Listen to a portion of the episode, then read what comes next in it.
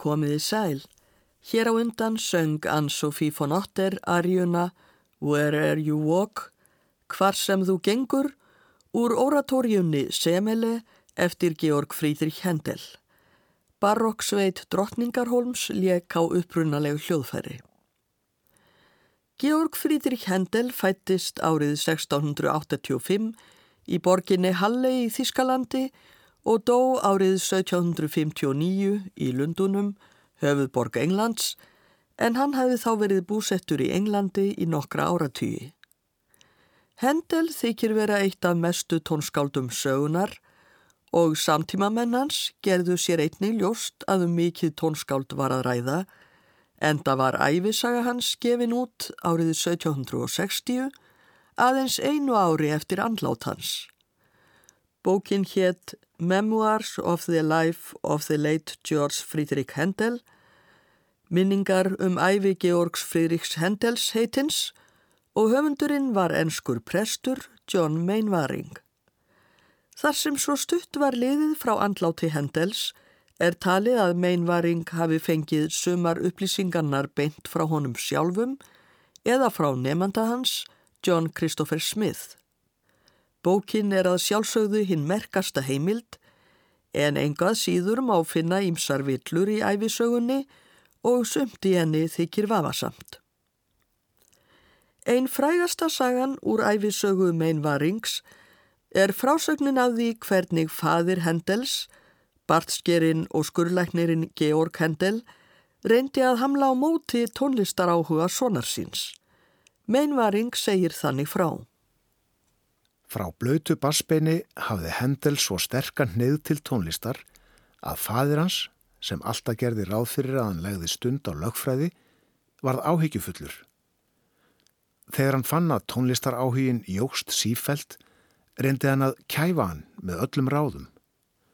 Hann harð bannaði honum að snerta nokkuð hljóðfæri, ekki mátti koma með neitt að því tægi inn í húsið og drengnum var ekki heldur leift að fara í hús þar sem hljóðfæri voru til. Í stað þess að kveða niður tónlistar ástríðuna eru þessar varuða ráðstafanir og reglur aðeins til að íta undir hana. Honum hafði tekist að láta flytja leinilega lítið klavikort upp í herbergi á háalofti húsins.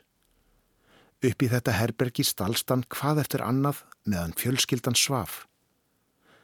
Honum hafði farið þó nokkuð fram áður en tónlistar yðkunnin var bönnuð og með yðni sinni í kvíldartímanum tók hann svo miklum framförum að enda þótt enginn fyldist með því á þeim tíma var það enginn smáraðis vísbending um síðari tíma afreikans. Sumir tónlistarfræðingar eru tortrygnir á þessa sögu og halda því fram að hún sé uppspunni með einn varings. Engar sönnur hafa samt verið færðar á það og vel er hugsanlegt að sagan sé sönn. Og líklegt er að margir sem hafa lagt stund á tónlistarsögu kannist við mynd sem heitir The Child Handel, Barnið Handel og er máluð árið 1893 af ennsku listakonunni Margaret Isabel Dixie. Þessi mynd er oft byrt í tónlistarsögubókum eða æfisögum Handels. Myndin sínir atvik sem raunar mun aðeins vera ímyndun listakonunar sem sé að fjölskylda Hendels hafi vaknað um nótt við tónlistina og uppgötvað hverskinn svar. Á myndinni situr Hendel litli við klavikortið á háaloftinu, berfættur í kvítum náttserk með nátthúfu á höfðinu og lítur undrandi upp þegar innriðst hópur af fólki. Fremstur fadir hans og það er hann sem heldur á ljóskirinu sem lýsir upp háaloftið. Á eftir honum kemur móðir Hendels og í dyragættinni gæjist fram lítil stúlka, kannski Dorothea Sofía sýstir Hendels sem var tveimur árum yngre en hann. Á bakvið hanna sést í roskna konu og karlmann fram á ganginum, sennilega þjónustu fólk. Þó að þetta hafi líklega aldrei gerst nákvæmlega svona, er myndin lifandi og skemmtileg. Æfisagnahöfundurinn John Mainwaring segir líka að Hendel hafi ekki verið orðin sjóra gammal þegar hann fór með föður sínum í heimsókn til hyrðar hertogans af Saxe Weissenfels en Karl Hálbróðir Hendels var þjótt þar. Fadir Hendels ætlaði ekki að lofa honum með en sá auðmur á honum eftir að hann hafði hlaupið á eftir vagninum langa leið. Við hyrð hertogans vantaði ekki hljóðfærin, svo hendel litli gæt nú loksinn svalað tónlistarþörf sinni en það gæt fadir hans ekki alltaf fylst með honum. Hann kvartaði hins vegar yfir tónlistar ástriðu drengsins við menn sem hann hitti við hyrðina og söðist ekki vita hvernig hann ætti að uppræta þennan áhuga. Dagnokkun fór Hendel litli að spila á orgelið að lokinni messu. Hertógin spurði hver væri að leika á hljóðferið og létt kalla drengin fyrir sig. Hann sagði síðan við föður hans að sér fyndist það hálgerður glæpur, gagvart öllu fólki og komandi kynnslóðum að svifta heiminn öðrum eins upprennandi snillingi. Á þessum tíma voru orð aðalsfólks mikil smetinn og fadir Hendels átti því ekki auðvelt með að mótmæla hertoganum eða hunsa ráðhans. Hann sagði þó auðmjúklega að þó að tónlist væri fögur skemmtun, fyndist sér hún lítilfjörlegt starf. Hertógin var ekki samála því og sagði að ekkert væri heldur því til fyrirstöðu að Hendel litli legði bæði stund á lögfræði og tónlist. Hann kvatti föður hans eindreið til þess að lofa drengnum að veita tónlistar áhuga sínum útrás. Árangurinn af ráðum hertogans var sá að tónlistarbanninu var aflétt og ekki nóg með það, Hendel litli fekk að læra hjá Frídrik Vilhelm Sackhoff sem var kirkjuorganisti. Allt þetta kemur fram í æfisögu meinvarings, en til er önnur skemmtileg heimild um það hvaða tónlist Hendel æfði hjá Sackhoff. Árið 1799 kom út bókin Anecdotes of George Frederick Handel and John Christopher Smith. Höfundurinn William Cox var stjúpsónur Johns Christopher Smith en eins og áður hefur komið fram var Smith nefandi Handels. Meðan á náminu stóð létt Handel Smith hafa tónlistarhandrit mert með ártalinu 1698 og fangamarkinu GFH. Þetta voru tónsmíðar sem hinn ungi Hendel hafði æft undir handleyslu Zakhovs og nú let hann Smith nefnda sinn æfa þessi sömu verk. Þannig egnaðist Smith handritið og í bók Williams Cox kemur fram að verkin séu eftir Fróberger, Krieger, Kerl, Alberti, Ebner, Delfín, Strung og Zakhov sjálfan. Eftir andlát Johns Christopher Smith komst handritið í eigu tengdadóttur hans, Lafði Rivers, en því miður virðist það hafa glatast á 19. öld. Því merkari heimild er bók Williams Cox sem varðveitir tónskáldalista handritsins. Fyrir skömmu kom út geyslaplata sem heitir Hendels Attic, háaloftið hans Hendels, og þar leikur Julian Perkins á klavikort Tónverk sem Hendel litli hefði í raun og veru getað spilað á háaloftinu. Perkins hefur valið verk eftir tónskáld af listanum í bók Williams Cox, svo ljóst er að þetta eru höfundar sem hinn ungi Hendel þekkti, að minnstakosti eftir að hann fór að læra hjá Sackhoff.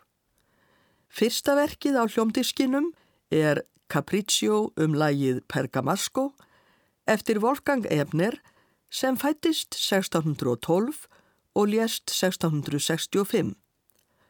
Og það er ekki mikil vandi að ímynda sér hendel litla að spila þetta verk á háaloftinu.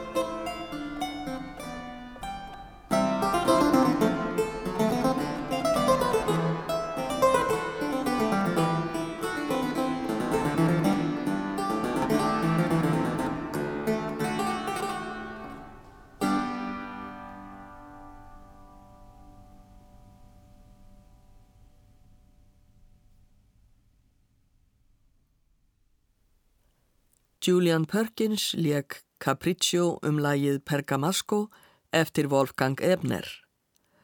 Ástæðan fyrir því að það er auðvelt að tengja þetta lag við hendel litla á háaloftinu er ekki einungi svo að vitað er að hann æfiði tónlist Ebners hjá Sakhoff kennara sínum.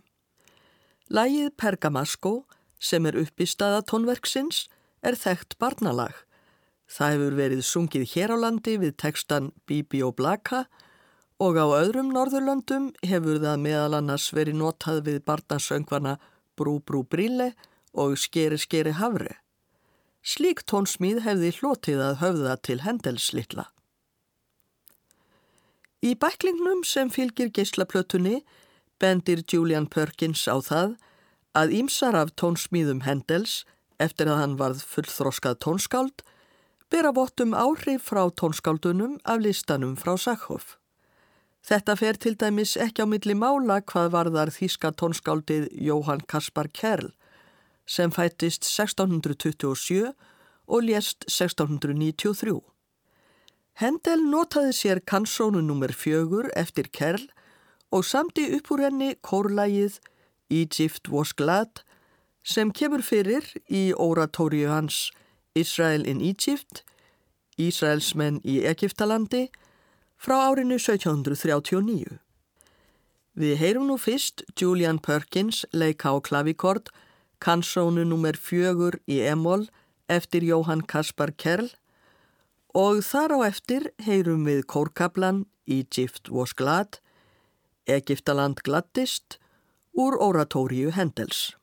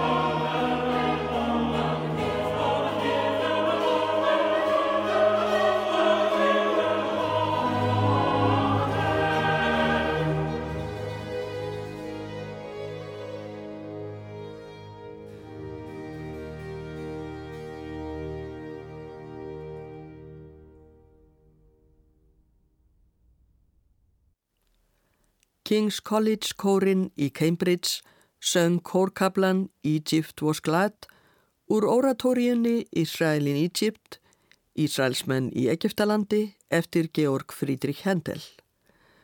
Kórstjóri var Stephen Kljóburi, Rói Gutmann stjórnaði Brandenborgarsveitinni.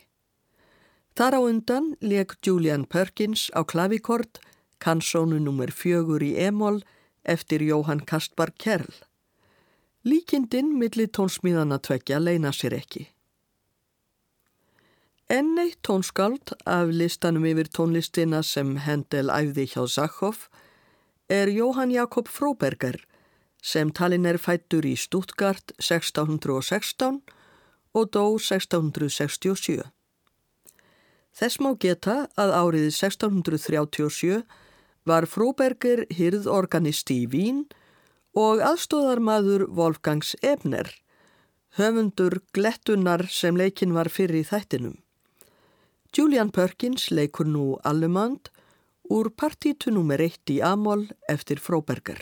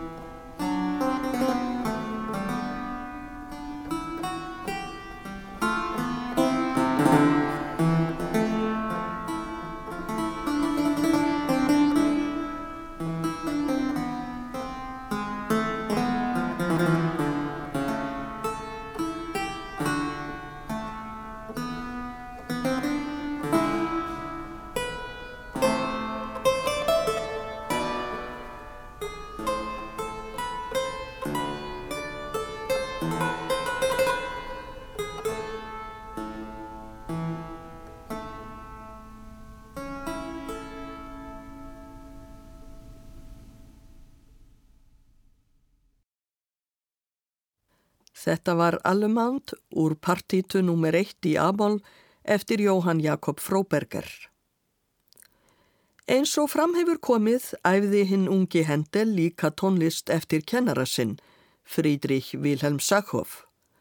Sackhoff fættist 1663 í Leipzig og varð organisti við frúarkirkjuna í Halle árið 1684. Það var ekki lítið sem Hendel lærði hjá Sackhoff, því auk þess að kenna piltinum kontrapunt, kendi Sackhoff honum á fjögur hljóðfæri, orgel, sembal, fiðlu og óbó. Ímsar af síðari tónsmýðum Hendels bera vottum áhrif frá Sackhoff og eftir að Sackhoff dó árið 1712 aðstóðaði Hendel ekku hans og börn fjárhagslega.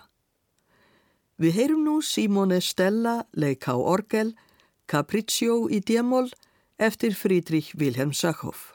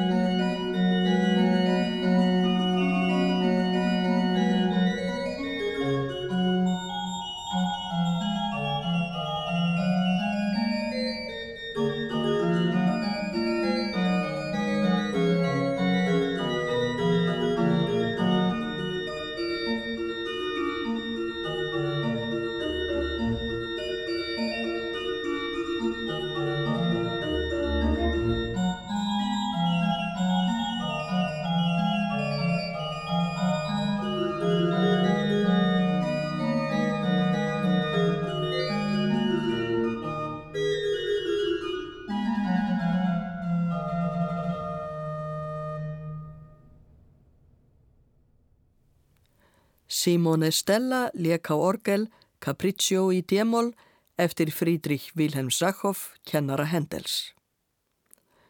Við skulum hlýða á annað verk eftir Sachow. Julian Perkins leikur á klavikord, svítu hans í hámól, þættirnir eru fjórir, Allemand, Courant, Saraband og Fuga Finalis.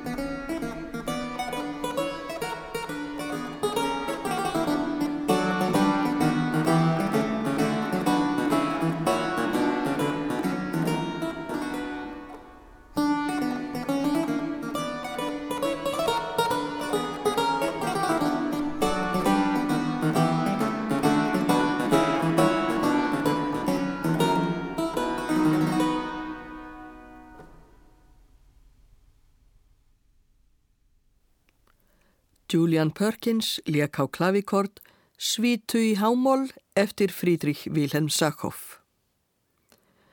Við ljúkum þessum þætti með tónlist eftir Hendel sjálfan.